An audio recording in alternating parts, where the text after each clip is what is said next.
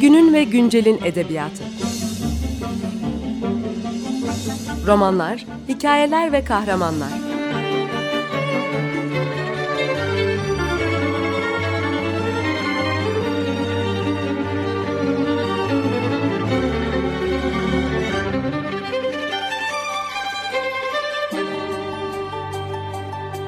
Hazırlayan ve sunan Seval Şahin.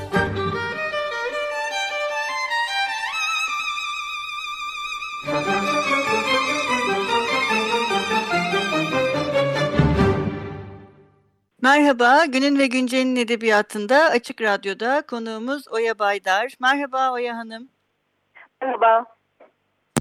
Bu Oya Hanım'la ikinci programımız. Ee, geçen hafta e, Oya Hanım'ın edebiyatının genel özelliklerinden konuşmuştuk ve programı e, Oya Hanım'ın Hiçbir Yere Dönüş adlı eserinden okuduğu e, kısımlarla bitirmiştik.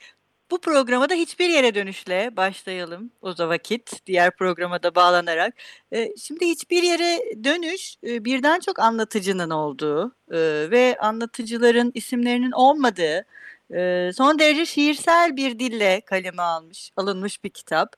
E, bu birden çok anlatıcı e, kullanmak aslında sadece bu kitaba has bir şey de değil e, sizde. Bu anlatıcıların aynı metindeki çokluğunu e, ne işe yarıyor? Neden bunu yapıyorsunuz?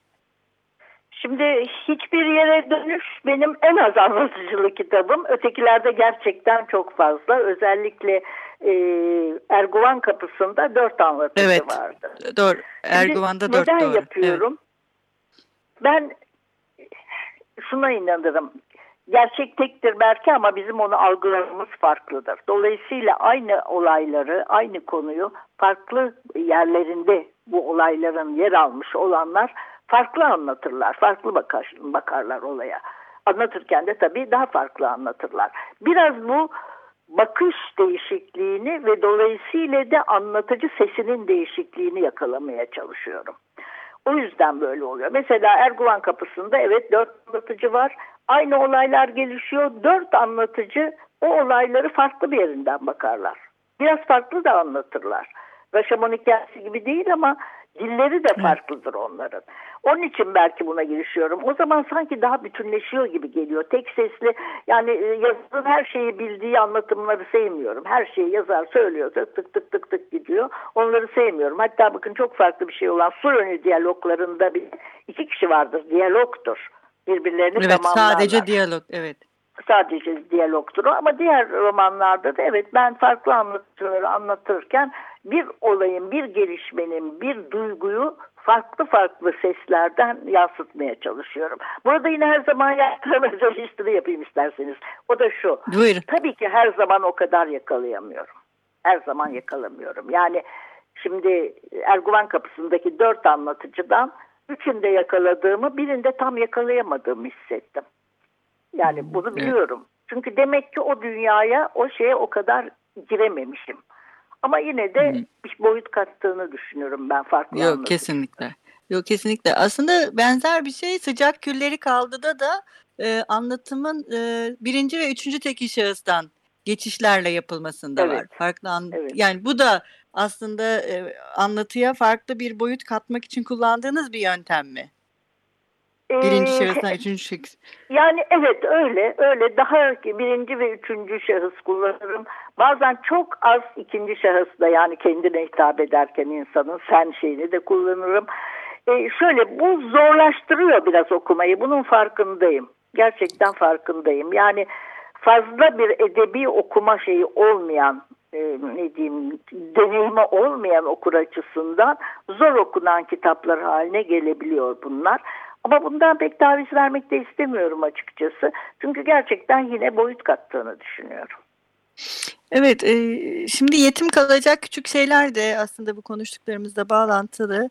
Orada da anlara odaklanıyorsunuz e, ve gerçekler böyle sanki flashlar gibi patlayıp e, sönüyor. Bu da sizin edebiyatınızda oldukça e, ne diyeyim e, ayırt edici bir kitap gibi geliyor bana. Yetim kalacak küçük şeyler bu anların olduğu gibi e, hani neredeyse çıplak diyeceğim yani bilmiyorum doğru ifadesi o mudur? Evet. E, görüntüsünü tam da o flash patladığı andaki her şeyden sıyrılmış görüntüsünün anlatıldığı bir kitap gibi. Ben çok çok sevdiğim bir kitap ayrıca onu da söyleyeyim. Yetim kalacak küçük şeyler. Sizin en sevdiğim kitaplarınızdan birisi. Oradaki anlatım da bütün bu konuştuklarımızın aslında herhalde çok çok çok boyutlu hale gelmesi gibi mi düşündünüz? Ee, şöyle oradaki anlatım evet şöyle düşündüm önce. Anılar başkadır, anılar başkadır. Anılarımız vardır. İşte şuraya gittim, şundan beraber şunları yaşadım falan. Ama bir de tek bir an vardır. Bir kedi görürsünüz, kedinin gözünün içine bakarsınız ve o anda bir şey olur. Ya da bir insan, bir çocuk görürsünüz yolda hiçbir yaşaya bakmadan saçı mesela e, darmadağındır bakarsınız ya da çok yoksuldur bir anda bir duygu belirir sizde. Ben bunları yakalamak istedim. Çünkü anılardan çok insanı anlatan şeyin o anlardaki duygular, anlardaki e, evet evet duygular, duygu lafını çok kullandığımı farkındayım ama e, bunlar olduğunu düşündüm. Bir de yetim kalacak küçük şeyler birebir benim anlarımdır. Yani bu belki de söylememesi gereken bir şey. Yani çırılçıplak soyulmak gibi bir şey oluyor ama hiç şeysiz tamamen benim anlarımdır. Zaten insan kendi anlarından başkasını yazamaz diye ben. Başkalarının anlarını yaşama, yazamam. Doğrudan benim anlarımdır. Bakın siz de sevmişsiniz. Benim de hiçbir yere dönüşten sonra belki sevdiğim yani bana yakın olan e, yetim kalacak küçük şeylerdir. Ve ben çok şeydim e, bu kitap ya satmaz falan yani çok tam tersi oldu. Tam tersi ummadığım bir şekilde sessiz sedasız en çok okunan kitaplarımdan biri oldu. Ah ne kadar güzel. Aslında yine bu kitapta bu anlara odaklanarak e, bütün bir anın genişliğiyle kocaman bir coğrafyayı da anlatır hale dönüyorsunuz öyle değil mi? Çünkü anların genişlemesi aslında zamanın da üstüne çıkmak gibi bir şey. Tabii anlar geniştikçe zamanı ve belli mekanları aşıyorsunuz haliyle. Zaten öyle yaşarız ama. Öyle yaşarız. Evet. O anlar bir yerlerde yani yaşamın gerçeği budur anılardan çok anılarla yaşarız gideriz. Dediğiniz gibi tabii şeyi çok büyütüyor. Mekanı ve zamanı çok genişletiyor. Ama yaşam böyle bir şey. Yani ben özel bir e, marifet göstermiş değilim. Yaşam böyle olduğu için böyle çıkıyor yazıda.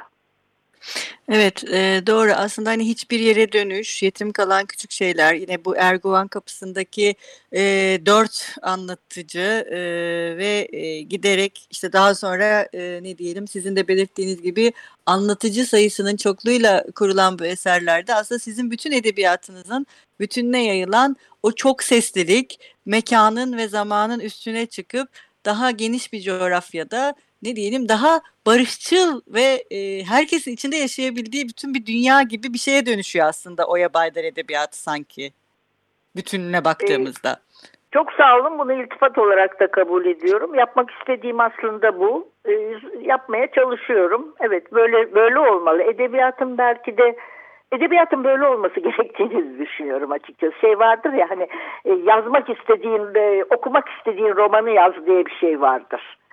Ee, evet. okumak istediğim romanlar, yaz, e, eserler böyle şeyler. Buna çabalıyorum gerçekten. Ya bir de e, bir ilk bölümde de biraz konuşmuştuk. Meselesi olan edebiyat böyle biraz demode ve gerçekten e, günümüzde şey gibi görülüyor. Hani dışlanmış gibi görülüyor ama ha, meselesi olmak tam da aslında hayatla gün yani gündelikle e, nasıl baş edebileceğimizi ve kendimizi var edebileceğimiz üzerine düşünmek ve kendi üzerimize düşünmekle ilgili bir şey.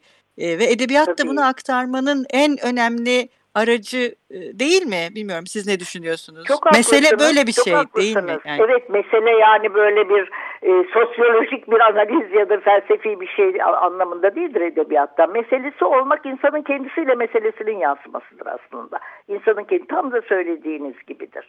O mesele sizin kendi meseleniz zaten toplumun, çevrenin, bütün diğer insanların size yansıttıkları bir şeydir.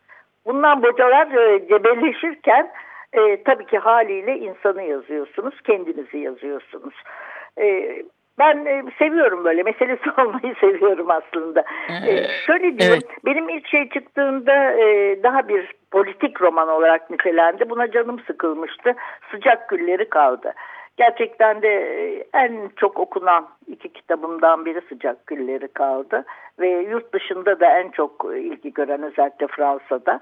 Sıcak Gülleri kaldığı mesela siyasi roman olarak niteliği itekleme olmuştu. Bir yani sevmemişti edebiyat camiası Türkiye'de ne kadar var biraz zor bunu söylemek ama ben de buna çok üzülmüş kızmıştım. Sonradan yalnız yavaş yavaş yavaş yavaş hiç ilgisiz yazarlar bile böyle politik olarak nitelenebilecek meselesi olan şeyler yazmaya gayret ettiler.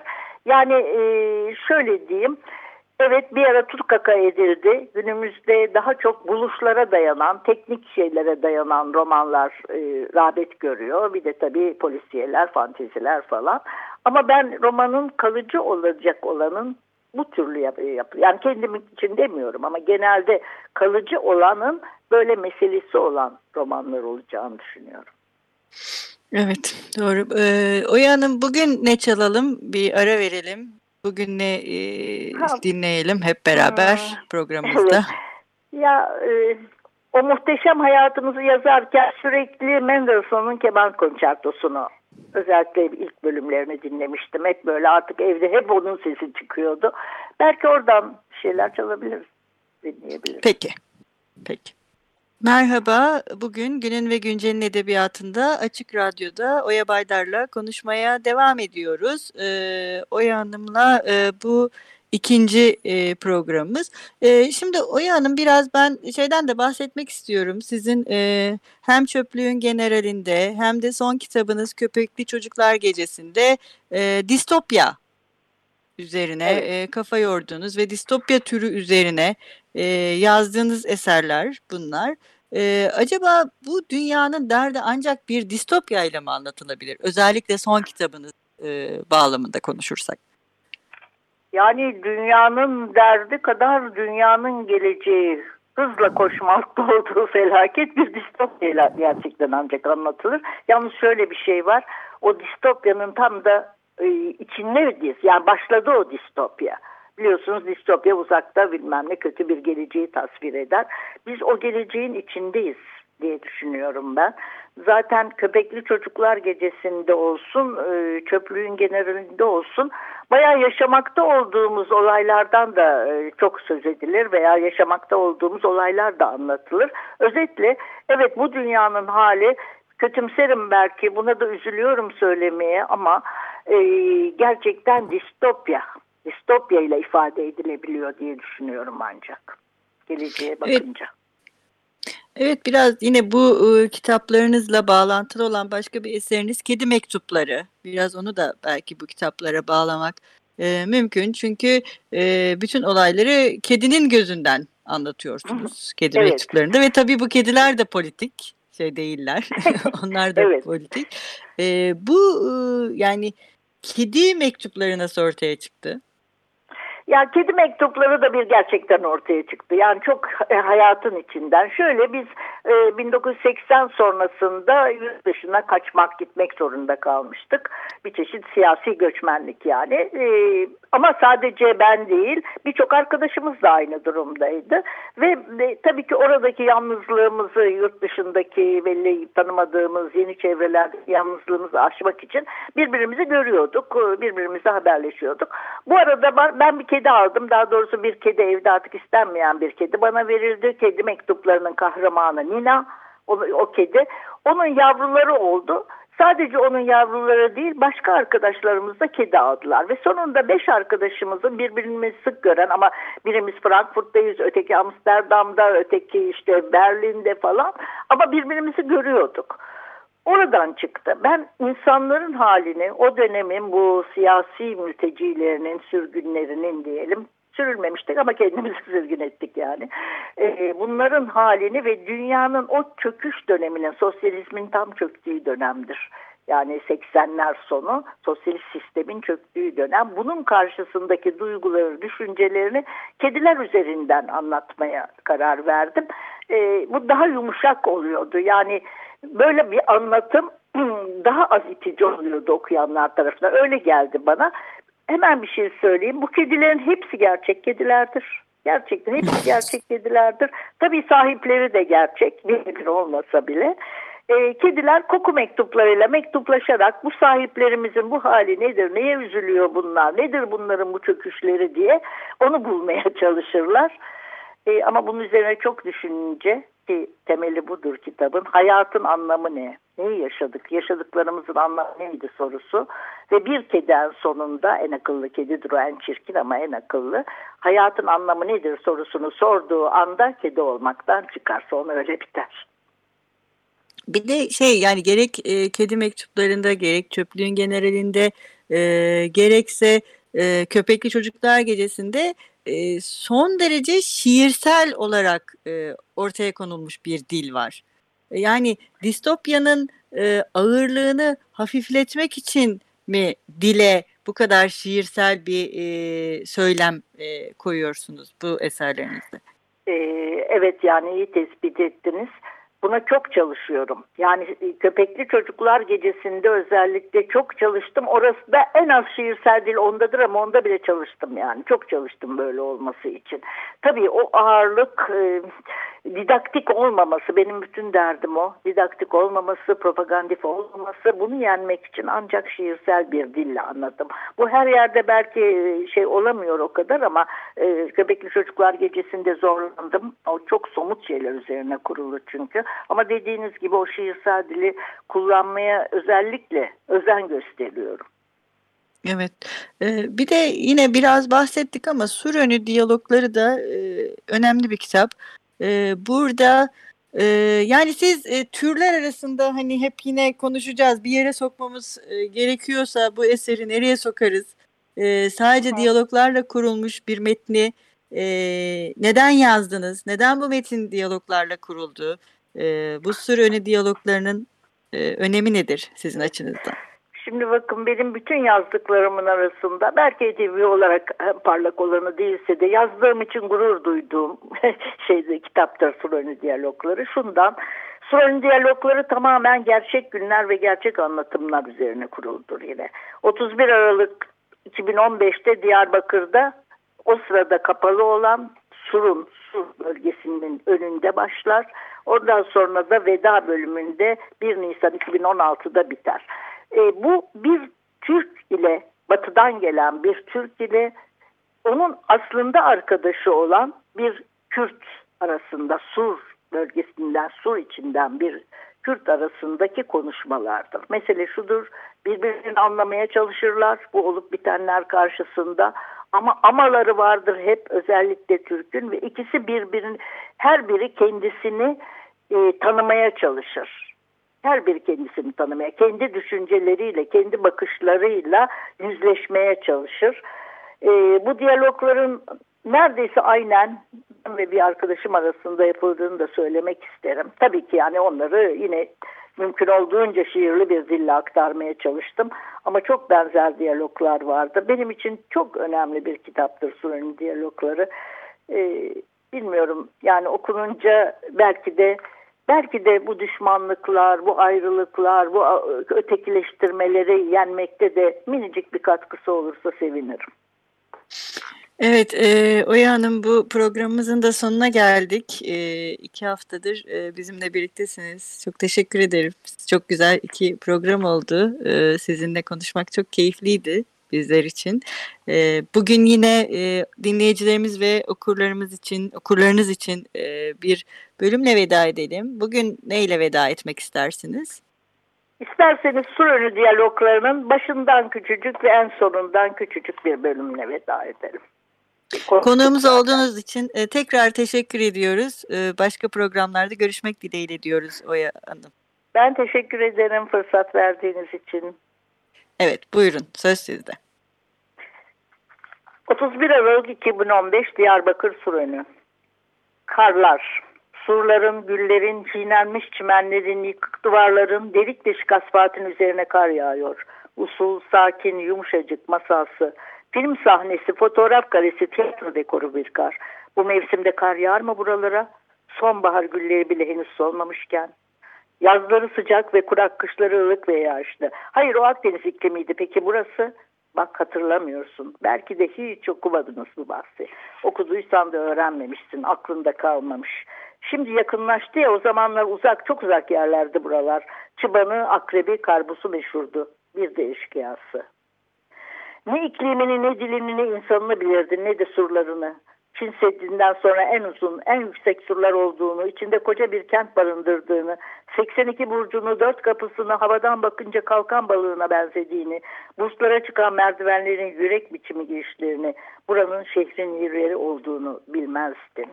Böyle başlar birbirini tanıma süreci, o korkunç olaylar, o dönemin korkunç olaylarına değinmelerle gider ve en sonunda veda bölümünde hatırlıyor musun?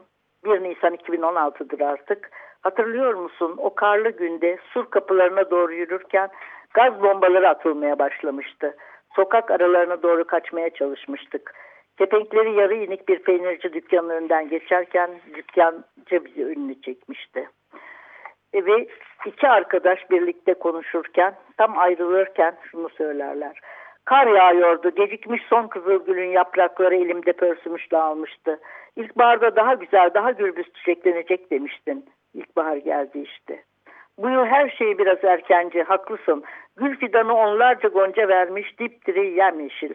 Kara kışa rağmen güle bağlandığım umut kazanıyor. Ortak umudumuzdu. O umudu birlikte büyütmeye çalıştık. Gitme kal desem, bunca konuştuk, ne kazandık, nereye vardık diye sorsam. Nereye varmamız gerektiğini bilmiyorum ama ben kazandım. Küçük prens vedalaşmaya geldiğinde ağlayacağım der tilki. Senin suçun, seni evcilleştirmemi kendin istedin der küçük prens. Evet biliyorum der tilki. Ama ağlayacaksın ne kazandın diye sorar küçük prens. Buğday tarlalarının rengini kazandım der tilki. Tilki haklı. Evet ağlayacağız ama ikimiz de kazandık. Bizim belki göremeyeceğimiz araba çocuklarımızın, torunlarımızın birlikte kuracağı yeni bir dünya hayalini birlikte kurmayı kazandık.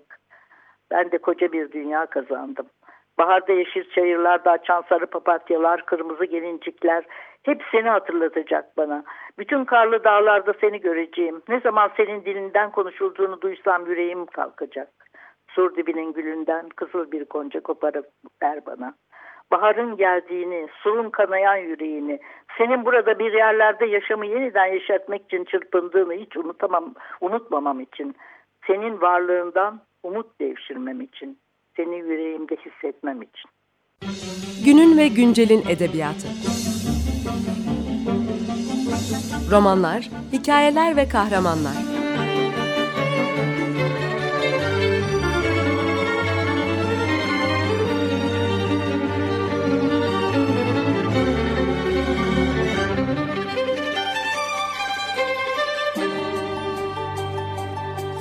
Hazırlayan ve sunan Seval Şahin